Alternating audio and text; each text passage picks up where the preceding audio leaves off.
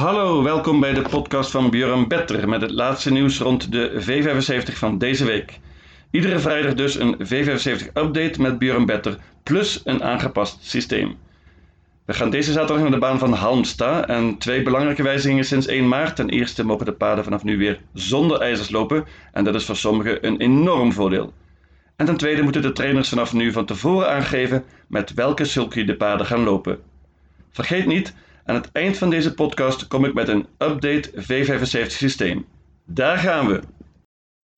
V75-1 is een merriekoers. Favoriet is 3 Rexine en dat is werkelijk te begrijpen. Ze heeft hier een heel mooi koersje. Ze was laatst geweldig en wordt dit keer door een Björn Goop gereden, hetgeen natuurlijk een gigantisch voordeel is. Gedurende de week ben ik steeds meer in haar gaan geloven. Ik verwacht dat ze de kop pakt en dan is dit topkans. Ik begin meteen met een banker. Als men niet bangt is de koers heel open, maar de voornaamste uitdager is absoluut 5 Sunday Sonata.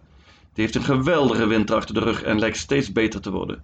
Ze gaat dit keer wellicht voor het eerst zonder ijzers en ook nog eens een keer voor het eerst met een hybride sulky. Heel interessant natuurlijk. 7 Zakapa B gaat debuteren in Zweden en ze is werkelijk een dark horse hier. In Italië heeft ze vooral van kop afgelopen en bovendien met een bike. Zweedse bandenstart nu is een vraagteken, maar ik ga ervan uit dat trainer Daleen tevreden is als hij er meteen aanmeldt in de V75. Outsider. 14 Wild Love heeft een dubbele handicap en dit zou heel lastig moeten worden. Maar ze gaat zonder ijzers nu en dat is interessant. Conclusie: ik geloof veel in 3 Rexine en bank direct. V75-2 is een steerkoers voor de laagste klasse. En hier is 10 Maestro Crow, groot favoriet. Hij is zeker het beste paard en als hij op zijn best is, wint hij dit vrijwel zeker. Hij heeft 6 van de 8 koersen gewonnen tot nu toe en maakt op mij grote indruk laatst. Erik Adelsson is een groot voordeel en dit kan absoluut een banker zijn, maar hij is niet geheel betrouwbaar en ontmoet een paar goede tegenstanders. Eén First One In bijvoorbeeld, die was outstanding laatst, maar werd gedisqualificeerd. Hij heeft een interessant nummer hier en wordt bovendien gereden door Johan Untersteiner, hetgeen een gigantisch voordeel is. Kan absoluut de kop pakken en zal dan niet makkelijk te verslaan zijn. 4 Springbank heeft een lastig nummer, maar als hij op de been blijft, kan hij absoluut verrassen hier. Hij liet laatst een zeer sterk laatste rondje zien en de paarden van Robert Berg zijn op de berg omhoog. 11 Botnas Fantoom is goed voor deze klasse. Hij gaat zonder ijzers dit keer en wordt bovendien gereden door Björn Goop. Matig nummer, maar kan stunten. Conclusie: normaal gesproken heeft 10 Maestro Crow topkans, maar ik neem er voor de zekerheid nog een trio bij. V75-3 is zoals bijna altijd de gouden divisie. Groot favoriet is 8 Disco Volante en hij is voor velen een banker hier. Voor mij ook. Ik verwacht namelijk dat hij ondanks dit slechte nummer de kop pakt en in die positie verliest hij dit niet. Hij heeft overtuigd en was laatst geweldig na een snelle start. Hij gaat bovendien zonder voerijzers dit keer en dat maakt hem nog rapper. Dit is een ouderwetse spets ook sluit. De voornaamste belagers komen van dezelfde stal Melander. Twee Sax Zoomer is op de weg omhoog en heeft nu twee koersen in de benen. Hij gaat zonder ijzers nu en met een bike. En bovendien zit Björn Goop voor het eerst op de sulky. Hoppa. Perfect nummer en logische uitdager. 4. Snowstorm Hanover heeft al een tijdje goede vorm laten zien in de V75 en mocht de favoriet falen, moet hij er absoluut bij hier. Ten slotte, 7 Night Brodde is verkeerd aangemeld hier. Hij is eigenlijk een zilveren paard.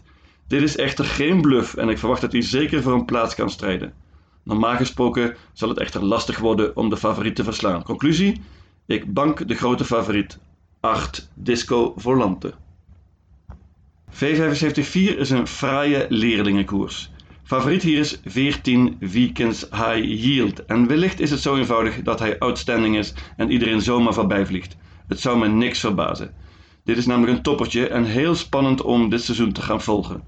Hij was een paar jaar geleden tweede in een Konga-pokalenserie, maar daarna heeft hij veel problemen gekend. Hij was laatst weergeloos in zijn comeback en kan nu zelfs nog beter zijn. Magnus A. Juse is een topleerling, maar dit nummer is lastig. Ik heb lang getwijfeld, maar uiteindelijk besloten om niet te banken. Interessant is de strijd om de kop. 4 Hector Greenwood is snel, maar wordt uitgedaagd door het duo 6 Slatan Knik en 7 Barista Ook. Die laatste twee worden allebei getraind door Christopher Eriksson en het droomscenario voor hem is dat Slatan Knik de kop pakt en die weggeeft aan Barista ook. Dat is totaal niet onmogelijk. Christopher Eriksson deelt bovendien mede dat zijn duo zeer goed is voorbereid en dat is spannend. 5 Global Woodstock is ziek geweest na de laatste race, maar hij werkt prima volgens Peter Untersteiner en heeft goed gelood. 9 Tyson Dimanche heeft een koers in de benen nu en hij gaat zonder ijzers dit keer en met een bike meenemen. Conclusie 14 Weekends High Yield is zeker het beste paard en hij wordt ook nog eens gereden door toppertje Magnus Ayuse. Dit kan natuurlijk een banker zijn, maar dit nummer is heel vervelend. Ik pak er nog een kwartet bij. In V75-5 geloof ik heel veel in 5 4 Guys Dream. Wat was die fenomenaal laatst. Hij vloog iedereen voorbij en liet enorme speed zien voor deze relatief lage klasse. Als hij even goed is nu, zal hij niet makkelijk te verslaan zijn. Bovendien kan hij goed vertrekken en ik verwacht dat Stefan Persson een poging zal doen om de kop te pakken. Topkans in dat geval.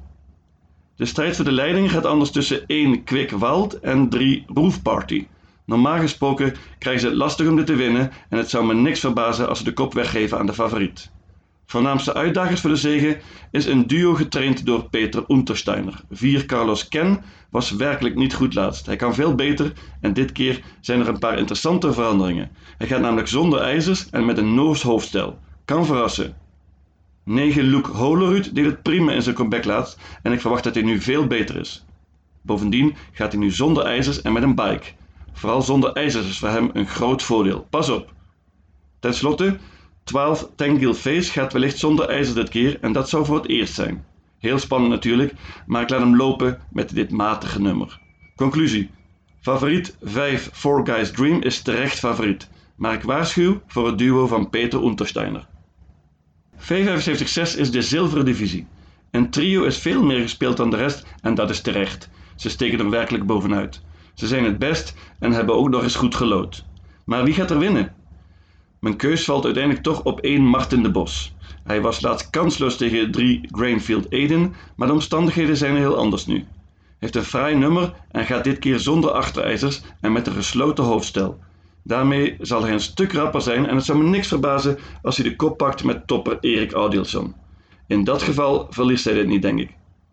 2 Sevilla is de uitdager voor de leiding. Hij is snel en gaat met een bike dit keer.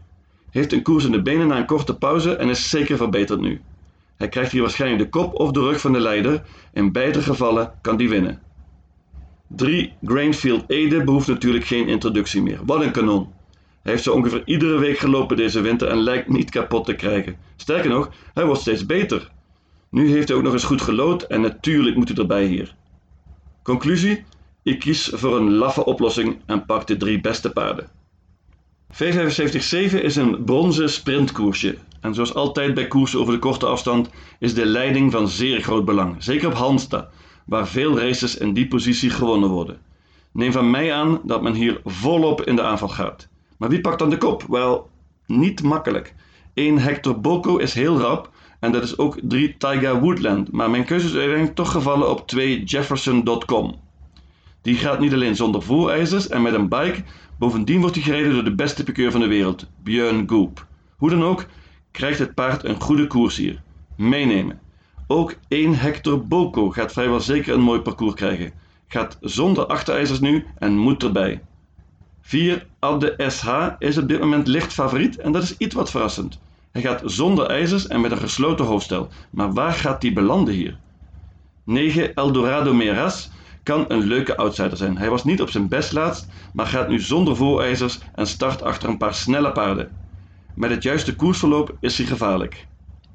Ten slotte, aan het begin van de week geloofde ik nog veel in 3 Taiga Woodland, maar ik denk dat hij het lastig gaat krijgen om de kop te pakken. En zou hij er al in slagen, gaat dat waarschijnlijk alleen maar lukken met een supersnelle opening. Ik laat hem lopen. Conclusie: ik verwacht dat 2 Jefferson.com en Björn Goop de leiding nemen. De koers is open en ik hoop dat mijn kwartet voldoende is, maar ik ben verre van zeker. Mijn update V75 systeem luidt als volgt. Afdeling 1, banker, nummer 3, Rexin. Afdeling 2, paarden 1, 4, 10 en 11. Afdeling 3, banker 8, Disco Volante. Afdeling 4, paarden 5, 6, 7, 9 en 14. Afdeling 5 paarden 4, 5 en 9. Afdeling 6 paarden 1, 2 en 3. En tenslotte afdeling 7 paarden 1, 2, 4 en 9. Dat zijn in totaal 720 combinaties. Lucatil!